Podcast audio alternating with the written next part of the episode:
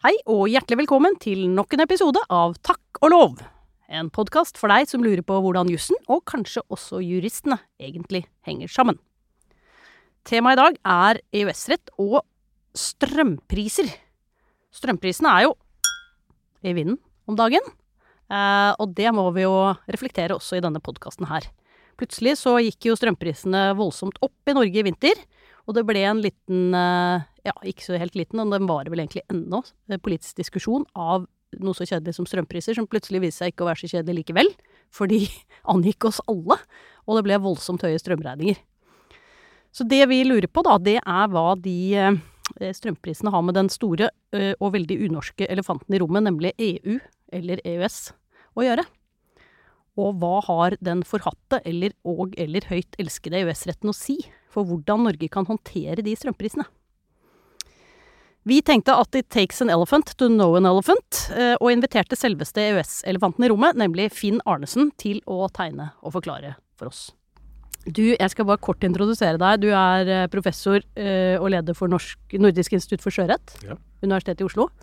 Med den litt skumle forkortelsen Nifs. NIFS. Mhm. Ja. Eh, Du eh, ble doktor juris da det enda het eh, doktor juris, Mhm. 1996. eh, Om statlig styring og EØS-rettslige skranker. Mm, Den kom litt tidlig, den boken. Det vil jeg si, altså. Noen var eh, avantgarde i dette feltet som alle nå er opptatt av. Ja, det, det er litt sånn som eh, det jeg av og til føler selv når ytringsfrihet er i vinden. Ja? Sånn, da jeg begynte med det, var det veldig umoderne. Ja. Det var fint at verden tok oss igjen, Finn. Mm. Det kan vi være glad for. Eh, Du er leder av nemnder og utvalg og medlem i Fleng. Jeg tror ikke egentlig jeg kan For da går hele podkasten. Men du har i hvert fall utrolig bred og lang erfaring. Eh, Det vi kanskje kan knytte an til her, er granskningen av Nav-skandalen. Mhm. I tillegg må vi selvfølgelig skryte av at du har vært konstituert høyesterettsdommer. Ja, For det bør, alle, det bør alltid nevnes når noen har vært det. Ja. Ok, vi, um, det er jo kronglete nok med den jussen, så vi prøver å myke opp starten litt med en fun fact om gjesten vår. Og nå gruer du deg, se. Nå, se, nå ble du sånn litt krøllete i ansiktet. Det går fint. Det er ikke noe skummelt. Jeg har fått ganske mange her, da. Så du har jo mange folk rundt deg som er glad i deg, som vet om morsomme ting. Jeg skal ikke ta alle sammen. Um, du er en pasjonert hummerfisker. Det er riktig. Få høre. Ja, nei, det, det er helt uh, riktig. Jeg uh, uh, ja, bor nede i Åsgårdstrand, og eh, der kan man jo da fiske hummer hele sesongen. Altså Ja. fra 1. oktober. Så jeg har teiner ute, eh, og trekker teinene før jeg drar på jobb, da. Ja. Eh, og med, med vekslende hell, vil jeg si. Men, men, eh, men alltid like fantastiske morgener. Eh, Og det er fordelen med å bo der nede. Altså, du, det er soloppganger eh, i, i Vestfold som du ikke får andre steder. Nydelig. Dine, mm. dine studiekamerater tegner aksjer, du tegner hummer. Ja. Ja, Høres fantastisk ut. Jeg må bare dvele ørlite grann ved Åsgårdstrand, for det, du fortalte meg da vi var på veien her eh, noe om Åsgårdstrand som jeg ikke visste. Og da konstaterte du at jeg var veldig ung, så da ble jeg veldig glad. Men eh, kan ikke du si I Munch klarte jeg å komme på, men hva var det egentlig som kjennetegnet Åsgårdstrand?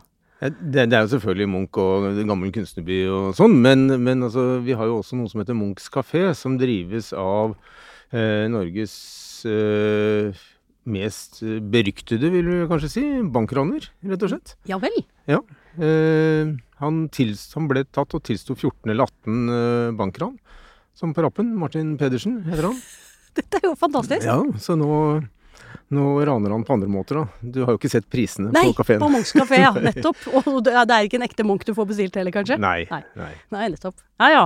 Men bra. Og dette var eh, også en studiekamerat av deg, så du har Ja, da han sonet, så tok han jussen. Ja, nettopp. Mhm.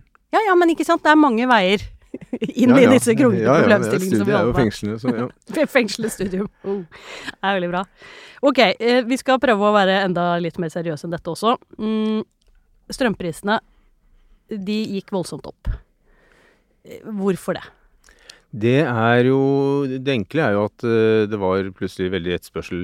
eh, Ja, for der er det sånn markedsmekanismer Ja, det er. Markedsmekanismer, rett og slett.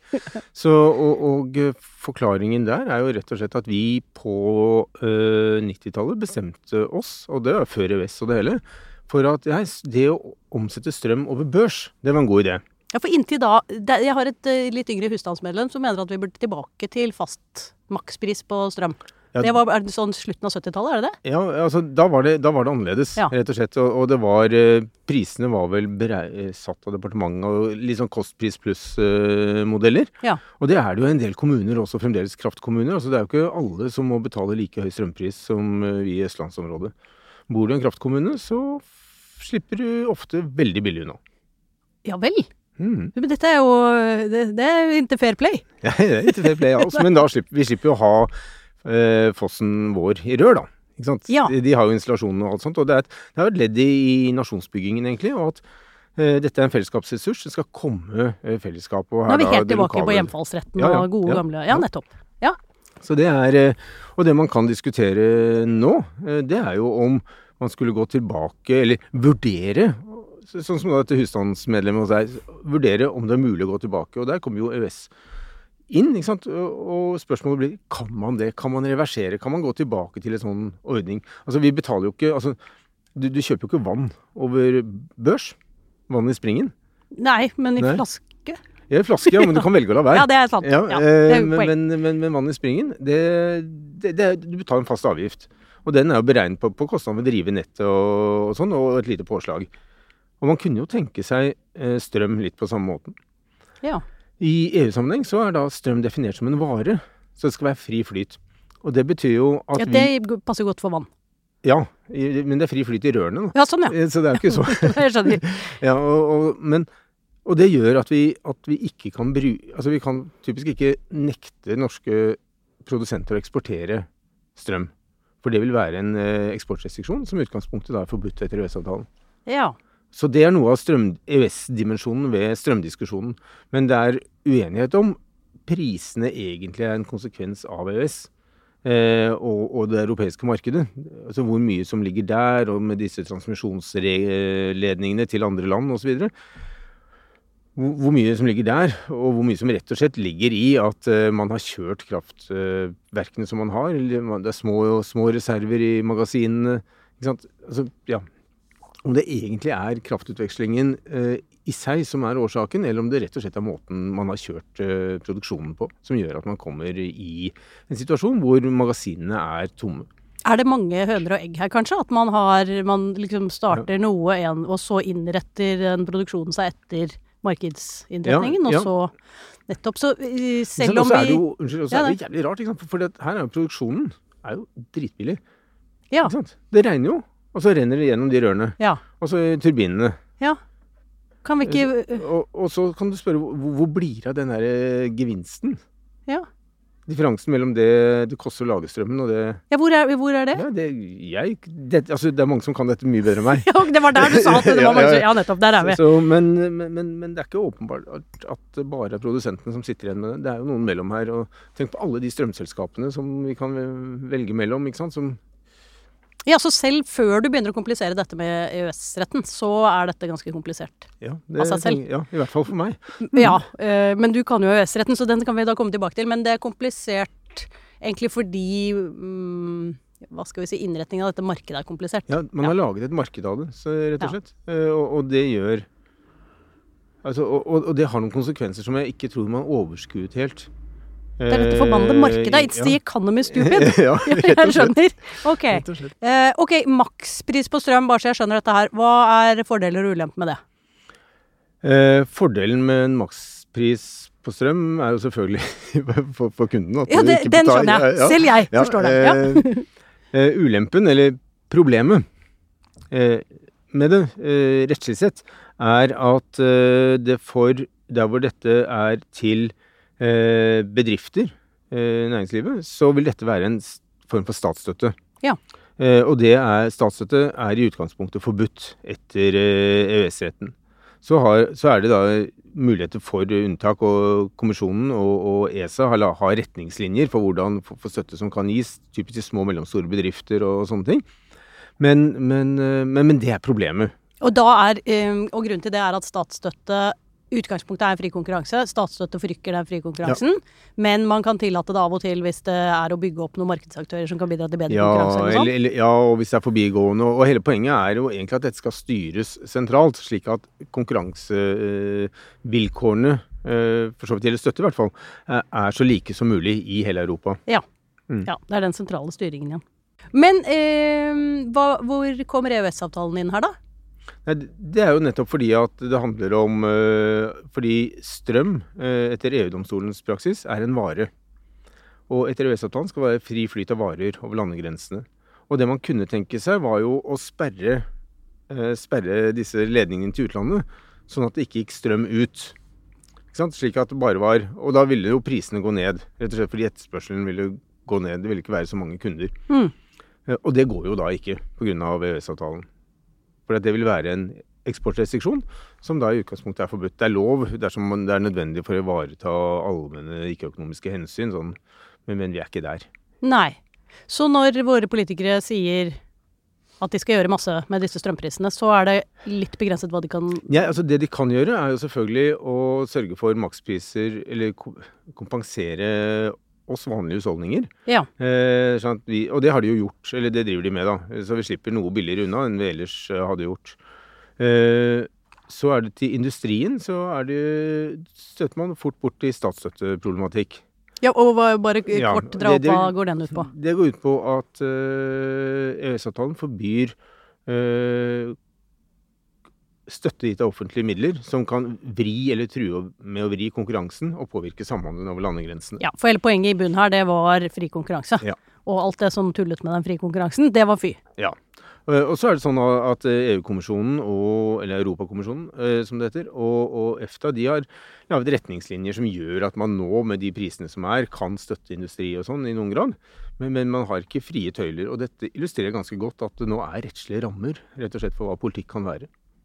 Ja, nettopp. Og da er vi egentlig i den delen av retorikken som er sånn fjernstyring fra Brussel. Ja. Vi har ikke lenger noe sjølråderett her på berget. Ja, det, det, ja, man er fort oppi den retorikken, samtidig som det er litt sånn fatalistisk. For du har få diskusjoner som går på ja, vi har dette rammeverket, hvordan kan vi innrette oss slik at det slår altså, Vi har innrettet oss på, på, på denne måten, og da slår det inn slik. Mm. Hvis vi innretter oss på en annen måte, hvordan vil regelverket slå inn da? Eh, Du har det på offentlige anskaffelser. Hvor, hvor kommuner og alle klager fælt over disse sørgelige anskaffelsesreglene Ja. som uh, bare skaper problemer og skaper dyre prosesser. Uh, og en av de nemndene som jeg sitter i, er jo KOFA, eh, Klagenemnda for offentlige anskaffelser. Og der får vi jo dette uh, utslaget av dette stadig vekk. Ja. Og det, det du ikke ser noen egentlig diskusjon av, det er jo Er det så helt sikkert at det lønner seg å gå i markedet? Hva om man gjorde dette selv? Hva om kommunene gikk sammen og hadde mer interkommunale eh, foretak på en del av disse tingene? Ja, så du, det som egentlig Og- du og- svaret ditt er at det er eh, Ja da, dere maser om sjølråderett, men bruk den da. Ja, Hvis dere egentlig, brukte den ja, på en litt annen ja, måte, så kunne dere funnet på noe lurere som passet med regelverket. Ja. Det er, det noe- det, Gamle far pleier å si at det er lov å bruke huet selv om du er jurist. Og det, det Ja, det, ja, eh, det er jo fordel å være jurist, for da vet du at det er lov ja, å bruke sant? huet selv om du er jurist. Ja. Mm. ja ja. Ok, eh, da tror jeg kanskje jeg ble litt klokere. Men når du snakker om eh, elefanten i rommet eh, Du har en artikkel som uh, Ja. eh, jeg innledet litt tullete med å referere eller parafrasere ørlite grann. Hva er det du mener da? Det jeg mener er jo eh, Det er jo det, det har først og fremst sammenheng med noe av det vi så da vi gikk inn på Nav-skandalen. For da et, et ledd i det var at vi så på litteratur, altså trygderettslitteraturen, i hvilken grad eh, forholdet til EØS i det hele tatt var pro problematisert. Og det var det i svært liten grad. Ok, bare en liten rekapitulering der for de som ikke holder på med juss hele tiden. Ehm, juridisk litteratur, det er jo lærebøkene våre. Lærebøkene våre, typisk. Men, også Det er jo ikke bare lærebøker, men det skrives jo veldig mye, mange jusbøker som ikke, ikke finner veien inn på studiet, for å si det sånn. Ja, og det, Eh. det det var bare det jeg tenkte jeg skulle forklare for de um, som ikke er jurister eller hører på dette. Det, for vi har selvfølgelig lærebøker på studiet vårt som mm. lærer opp studentene våre, men som jo, selv når vi er ferdig, så må vi forholde oss til sånne bøker. Og de bøkene er egentlig ofte det første stedet vi starter når vi skal Ja. prøve å lete oss frem til en regel. Mm. Så de er ganske viktige. I mm, streng sånn rettskildeforstand så er de vel kanskje ikke rettskilder fordi de er bøker, men, men rent praktisk så er det ikke bare én rettskilde, de er kanskje ofte den første rettskilden man tyr til. Mm. Og, og det som slo oss da, da vi gikk gjennom litteraturen, bøkene, det var jo nettopp at det, det var Altså, man hadde snakket litt om disse trygdeforordningene og sånn, men veldig kort. Eh, og, var, og de alminnelige reglene i EØS-avtalens hoveddel, altså fri flyt, som vi snakket om litt så vidt i sted, det har overhodet ikke berørt åssen de slår inn. Og så lurer jeg på hvorfor det. Det kan ikke være sånn at du i 2018, som de siste utgavene her var fra, en bok om arbeidsavklaring hvor de avgrenser mot EØS, ikke sant? Det, det, går- ja. Eh, Men hvorfor det er- kommer man på det, da? det, det, det ikke sant? Hvorfor, hvorfor, hvorfor skriver du ikke om dette? Og, og elefanten i rommet er jo noe som alle vet og Ja. ser, men som er stort og vanskelig, og som du ikke orker å snakke om. Ja. Ikke sant? Du bare unngår det. Jeg likte veldig godt jeg bare skyte inn der, jeg likte veldig godt den, eh, den veldig eh, presise juridiske måten du nærmet deg den metaforen på, som vi bruker alle sammen uten å tenke noe over det. Eh, Finn hadde selvfølgelig en note på elefant som han hadde slått opp i Norsk Akademis ordbok, eh, og hvor det var referanser til akkurat det du forklarte nå. Hmm. Ja. ja. ja. Ja, nei, det er jo Man må jo ha belegg. Mhm. det, er jo, det er jo greia. Det er eh, Hjemmel! Ja, hjemmel. Jeg Vi skal fortelle I doktoravhandlingen min, som du nevnte så vidt, så hadde jeg eh, Den hadde eh, reguleringen av norsk oljevirksomhet som inntak til dette med, statlig, eh, med, eh, de EØS-rettslige rammene for statlig styring. Eh, Og der var det, og det er det vel fremdeles, eh, krav om at kontrakter og sånn, eh, norsk språk i så stor, eh, størst mulig utstrekning skal brukes, og at kontrakter skal være regulert av norsk rett og bakgrunnsrett. Og Så drøfter jeg da om dette kan være en importhindring. Ja, Ikke sant? ja, ja. Og, og så bruker jeg som eksempel at, eh, at man kunne tenke seg at norske leverandører ville være litt tilbakeholdne med å levere tilbud, eh, levere eh, tilbud på jobber som skulle reguleres av gresk rett. Av gresk, Ja. ikke sant? Så tenkte jeg å, å. I gamle festsal, forsvare avhandlingen, og så si kan doktoranden forklare kort hva gresk rett går ut på her? Så, det, så da gikk jeg inn da og måtte jo sjekke. Ja. Og da fant jeg ut at eh, gresk rett eh, var eh, tungt influert av tysk rett. Kontrakt, Gresk kontraktsrett. Det var vel vi òg. Ja, ja. Ja. Så, så, men da fikk jeg da den lille fotnoten som er den eneste morsomheten i avhandlingen, og det er eh, villete morsomheten. Og det er at eh, gresk rett ikke er helt gresk. Den er nemlig ja. Det er da jeg skal Der? Ja, ja. Og, men, det ble, men det ble jo selvfølgelig ikke noe spørsmål om det. Nei. Men man må sjekke. Hva- Det er greia. Det er jeg helt enig i, for plutselig så det det er jo en ganske god impuls. Ja. Du kan bli tatt på det, så du bør ha et svar. Ja, ikke sant? Og du, skal ikke bli tatt mange ganger før du finner ut at det, det, det blir en sånn, som betinget læring, da, i og for seg. At du, bare gjør det. Ja. Ja, nei, det er, Om det er selvoppholdelsesdrift eller redelighet, det vet vi ikke. Nei. Nei, nei. Um, vi har snakket om elefanter. Det er ikke den eneste metaforen du opererer med. De, jeg fikk en assosiasjon Nå skal jeg snart røpe den andre metaforen, men jeg fikk en assosiasjon av den Det, det føltes veldig sånn uh, tilbake til kolonitiden. Du ser de elefantene ri forbi, eller gå, vandre forbi, snabel i hale, eller hvordan de går, eh, i solnedgangen. Og hvor, hvor ser du det? Jo, du ser det i Masai Mara i Kenya, og du sitter der og ser på med en Gin tonic. gin tonic. Nettopp. ja. Ok. For gin tonic, hva har det med noe av dette å gjøre?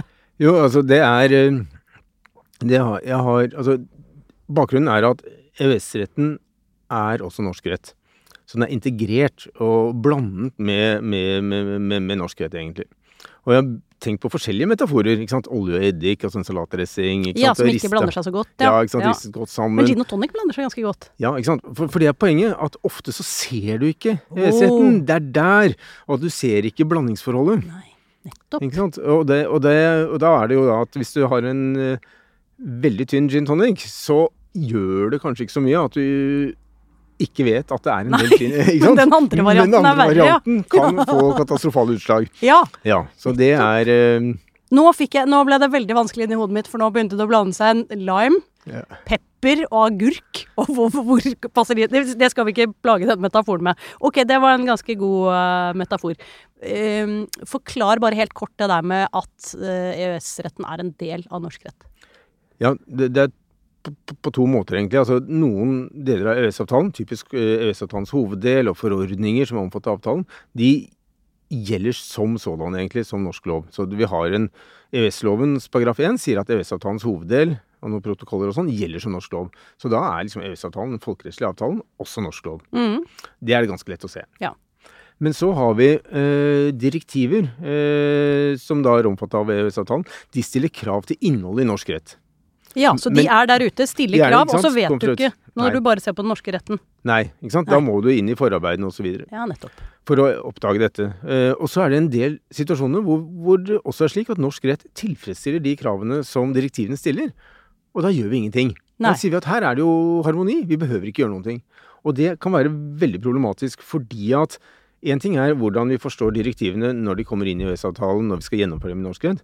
Men så er det jo praksis da, fra EU-domstolen stadig Ja. vekk ikke sant, som gjør at reglene etter direktivet kan være en annen i dag enn det vi trodde da vi gjennomførte direktivet i norsk rett. Og det har vi sett på bilansvarsområdet. Har vi hatt flere stor utvikling i EU-domstolens praksis. Forklar er- kort. eh, Ja. I Norge så var det jo sånn frem til eh, ja, 2005 eller omtrent, det er 2000, at dersom du satt på i bil med en som du visste eller burde vite at var uh, ruspåvirket, mm. og det gikk galt, så hadde du ikke noe krav mot bilens forsikringsselskap. Nei, for da hadde, var aksept av risiko. Ja, men, men det som er, er at du godt kunne ha, ha et erstatningskrav mot sjåføren, han som hadde voldt skaden. For bilforsikringen er jo en forsikring. Den sier ikke noe om erstatningsansvaret til den som egentlig er skadevolder. Nei, nei. Det er hva det er forutberegnelig for eh, forsikringsselskapet på den ene Ja. siden, og hva han der duden måtte svare Ja. for til slutt, liksom. Ja. Ja. Og så er det direktiver omfattet av EØS-avtalen om motorvognforsikring, altså om bilforsikring. Og de sier litt enkelt at, de, at forsikringen skal følge ansvaret. Altså, fordi de bygger på en modell hvor eh, sjåføren typisk er erstatningsansvarlig, og så er det snakk om å dekke dette ansvaret med en forsikring.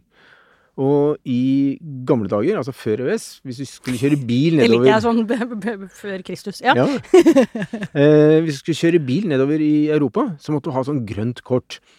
Eh, og det var for å dokumentere, og du måtte ha en egen forsikring ofte også, det var for å dokumentere at du hadde en forsikring som dekket det ansvaret du kunne komme i hvis du havnet i en ulykke i Tyskland. eller Ja, hvor ja. det måtte være. Ikke Det husker jeg.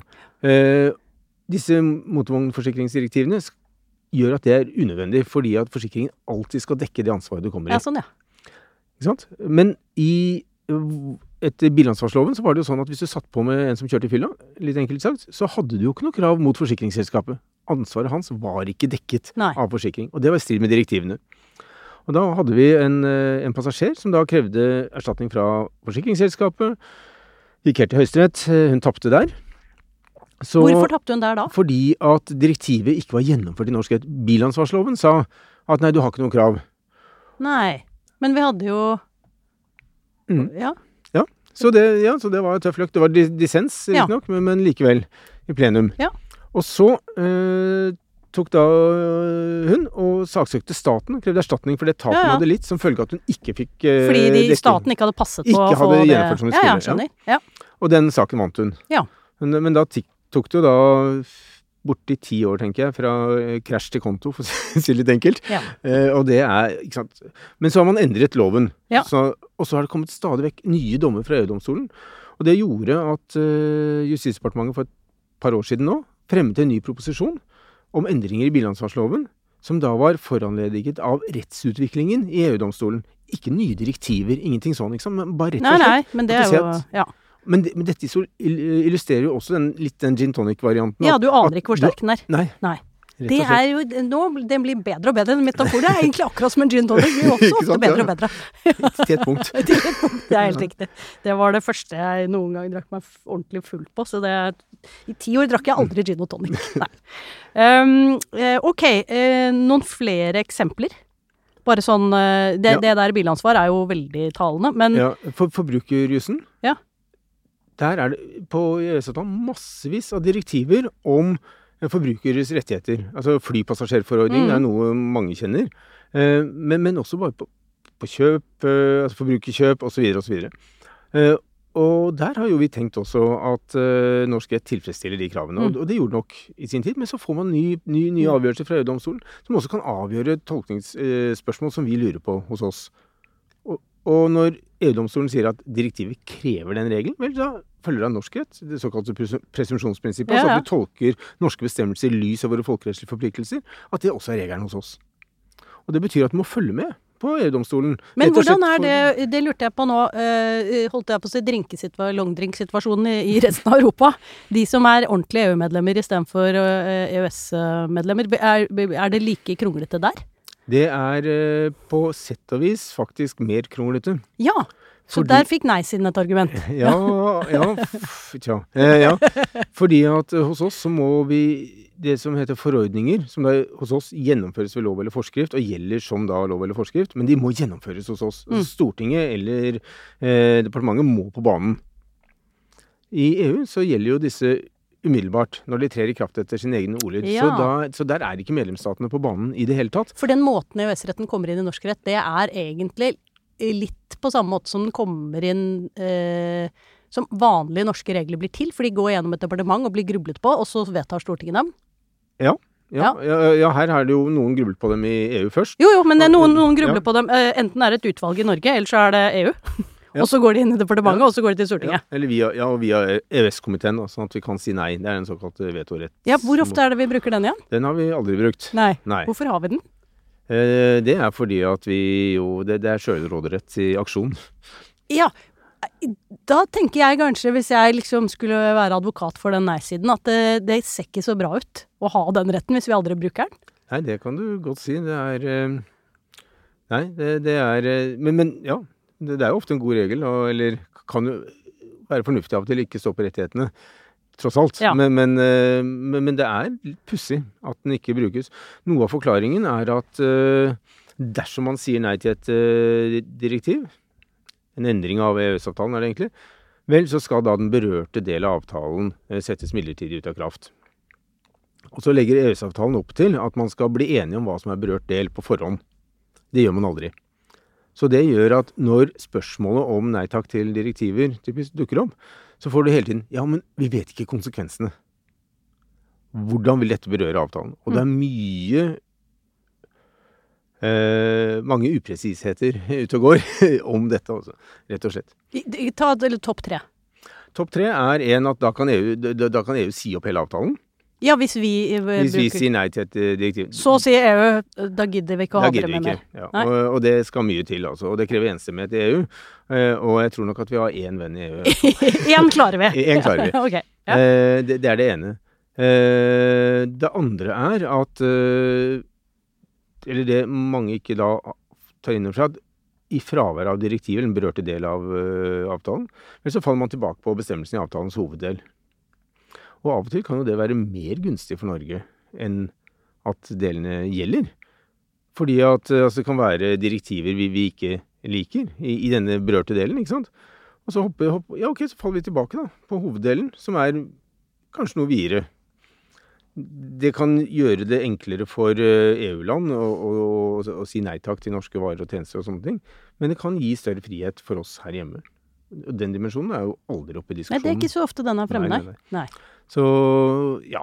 Ja, for det slår meg at um, helt uavhengig av alle komplikasjonene som eh, oppstår juridisk, så er jo eh, Altså, det er absolutt en EØS-elefant, rettslig EØS-elefant i rommet. Den går rundt med paragrafer på tærne. Um, men det er jo en stor EU-elefant i rommet. Vi kan jo egentlig aldri diskutere dette spørsmålet ordentlig. Nei. Fordi vi har dette ambivalente forholdet til Mm.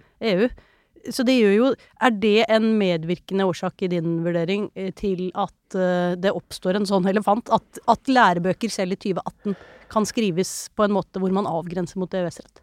Jeg, mm, jeg vet ikke. Jeg, tror også det har litt med det å gjøre at øh, en del ser på EØS-retten, EU-retten, som fri flyt av faenskap. Å ja, den er ugrei, liksom? Ja, den er ugrei. Ja. Så den tar vi bare ikke i. Eller er det fordi den er vanskelig? Ja, altså, ja men, men det er den andre. Men, Ja, okay. men den er vanskelig. øh, men, fri, men så kan det jo være regler der som, er, som man mener er bra. Ja. Og det kan jo rokke Så kan det være at du syns at dette med EØS er egentlig noe dritt. Men her er det faktisk noen gode regler. ja. Jeg skriver ikke om dem. Nei, sånn ja.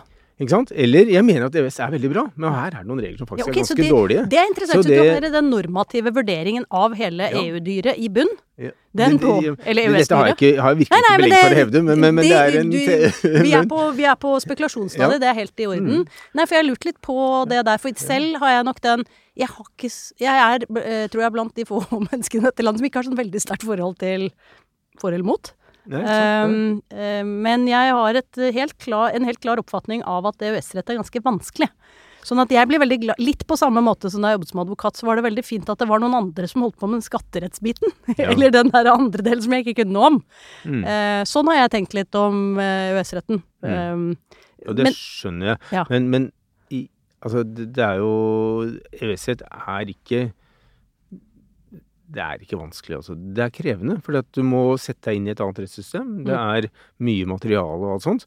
Men det handler jo om det jurister er flinke til. Lese innenat. Hva, hva, hva, er det som står her, da? Det Mm. er ikke rakettvitenskap eller heksekunst. Altså. er det fordi vi har for lenge trent studentene våre for dårlig i å forholde seg til ulike typer rettskilder? Det kan godt være, og, og det kan også være at vi for lenge har vært for late når vi skriver bøker. Altså, Det går litt tilbake til det jeg sa innledningsvis, at det er et eller annet med at altså, det, det er Bortsett fra vi som nå jobber på, på, på, i akademia, vi har jo et produksjonskrav som ligger et eller annet sted og Vaker. Ja. men, men, men veldig mange av de som skriver bøker, jusbøker, må jo ikke skrive jusbøker. Men jeg syns at når de gjør det, så får de Ja. skrive ordentlig. Ja, for det er jo mm, Det er ikke sånn eh, man kan, kan man komme i ansvar som lærebokforfatter? Det, kan man, det skal vel litt til. Skal vel litt til, men, men, altså, men, man, man, man, kan i hvert fall skamme seg. Veldig bra. Uh, men det, du har jo eh, denne blindsonen som du har Som het, var navnet på granskningen av Nav-skandalen. Er det da uh, et vannskille? Uh, når vi får veldig klart for oss konsekvensene av å behandle dette som en elefant i så lang tid, eller holder i blindsonen, eller vi, hvilken metafor. Ja, nå, jeg vet ikke, vannskille, tonic-skille. Eh, Blir det bedring nå? På det er jo det er en veldig, veldig giv. Ja. Eh, både i, eh, i forvaltningen, i akademia og også blant eh, advokater. Altså hele profesjonen. Eh, domstolen også har jo Altså dette her var forferdelig trist eh, sak. Mm. Eh, og også helt unødvendig, egentlig. Ikke sant? Det hadde vært nok at noen en gang Sa at keiseren var naken? og, og, og, og det lå der. Eh, så det, er, det er flere som har sagt at, altså, at det er altså, At det at du reiser utenlands, gjør at du mister en rettighet. At, at, ikke, det, at det ikke ringer en EØS-bjelle Det der. er pussig. Det er ganske Jeg pussig. selv jeg som ikke skjønner noe av det nyss, eller holder Ja. på med den. Ikke sant? En annen ting er at øh, sant? hva er svaret her? Om, om det er sånn at ja, det er greit Jo, å jo. nekte. Det, men det er en annen diskusjon. Men det er mer sånn at ikke er spørsmålet- Nei, ikke sant, Nei, det er. Det er veldig- veldig rart. Ja. Uh, det er veldig rart, altså. Og det er Altså, vi var jo inne Det, er- det er jo reist I de norske fremstillingene av EØS-retten, så er det alt Så er der Der er da trygdereglene viet en liten visitt, og, og hvor det da gjerne står at de må de er ikke harmonisert. altså Det, det er ikke noe felles EU-trygderegler sånn sett, men de er koordinert. Men det, sånn at I utgangspunktet står statene fritt til å la, ha sine egne trygdesystemer og altså, utforme dem som de vil, men innenfor rammen av de fire friheter. Det har stått i læreboken i EØS-rett siden Siden jeg studerte. Nei, siden jeg skrev den. Ja, ja, siden jeg studerte. Ja, men siden, eh, siden 94. Ja. Ikke sant? Så, men, men, men, det er Unnskyld, det er ikke noe vanlig Det er liksom ikke noe det er, det er ikke noe Av og til så lurer på om juridiske forfattere først og fremst leser seg selv, og ikke andre. De er det ting i notene deres som av og til kan tyde på. Ja, i hvert fall noen. noen ja. Ja, nei, det å sitere seg selv, det er det jo noen som driver litt med, ja. Det har jeg sett i noen tekster av og til. Av og til kan man jo lure på om det er eh, den samme, eller om de bare heter det samme. Eh, Vi liker å spørre gjesten vår om eh, de kanskje har en historie de vil dele, oss, dele med oss. Noe vi burde ha hørt. Er det noe vi burde ha hørt, Finn? Ja, eh, ja altså det, det er jo sånn, eh, og dette var mye tydeligere før, da jussen var åpen, tror jeg. Fordi at, eh, at det er en tendens til at barn av jurister valgte jus. ikke sant? Og så kan man lure på om det skyldes at jusen var åpen, og at intelligens er arvelig, eller hva, Ja, det, den, det blir mindre og mindre for hvert ledd. ja, ikke sant? Men i hvert fall, eh, et utslag av denne manglende fantasien kan også være at eh, man ikke har så stor fantasi med navn. Så jeg heter jo Finn, og det het eh, far også. Og far var advokat. Ja. Og farfar het Finn, Din, din far Finn Arnesen, Min far, Finn som Arnesen. hadde en far som het Finn Arnesen. ja, som Ja. også var advokat. Ja. Eh, og eh, i studietiden så var jeg Vitas, som det heter, på Nordisk institutt for sjøørret. Og der eh, Jeg hadde begynt der, og da gikk jeg jo på hilserunde til professorene. Og da hilste jeg på Sjur Brekkhus. Den store konkurs- og panterettskoryfé. Ja.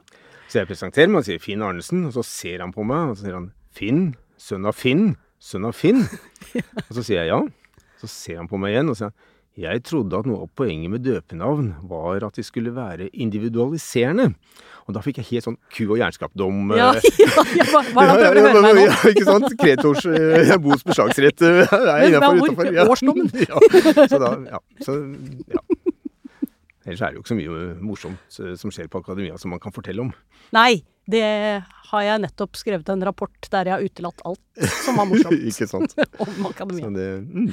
Ja, men tusen takk skal du ha, Finn. Um, og da din far og farfar Finn, som jo har gjort det mulig for deg å være her i dag med dette navnet. Trenger du eh, enda litt mer innblikk i energi, miljørett og EØS-rett, så kan jeg anbefale flere kurs fra JUS.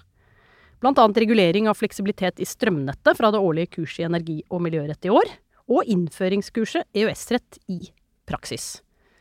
Informasjon om dette finner du på juss.no. Vil du som hører på denne podkasten vite litt mer om Finn Arnesens EØS-elefant i rommet? Da kan du lese tidsskriftartikkelen hans på juridika.no.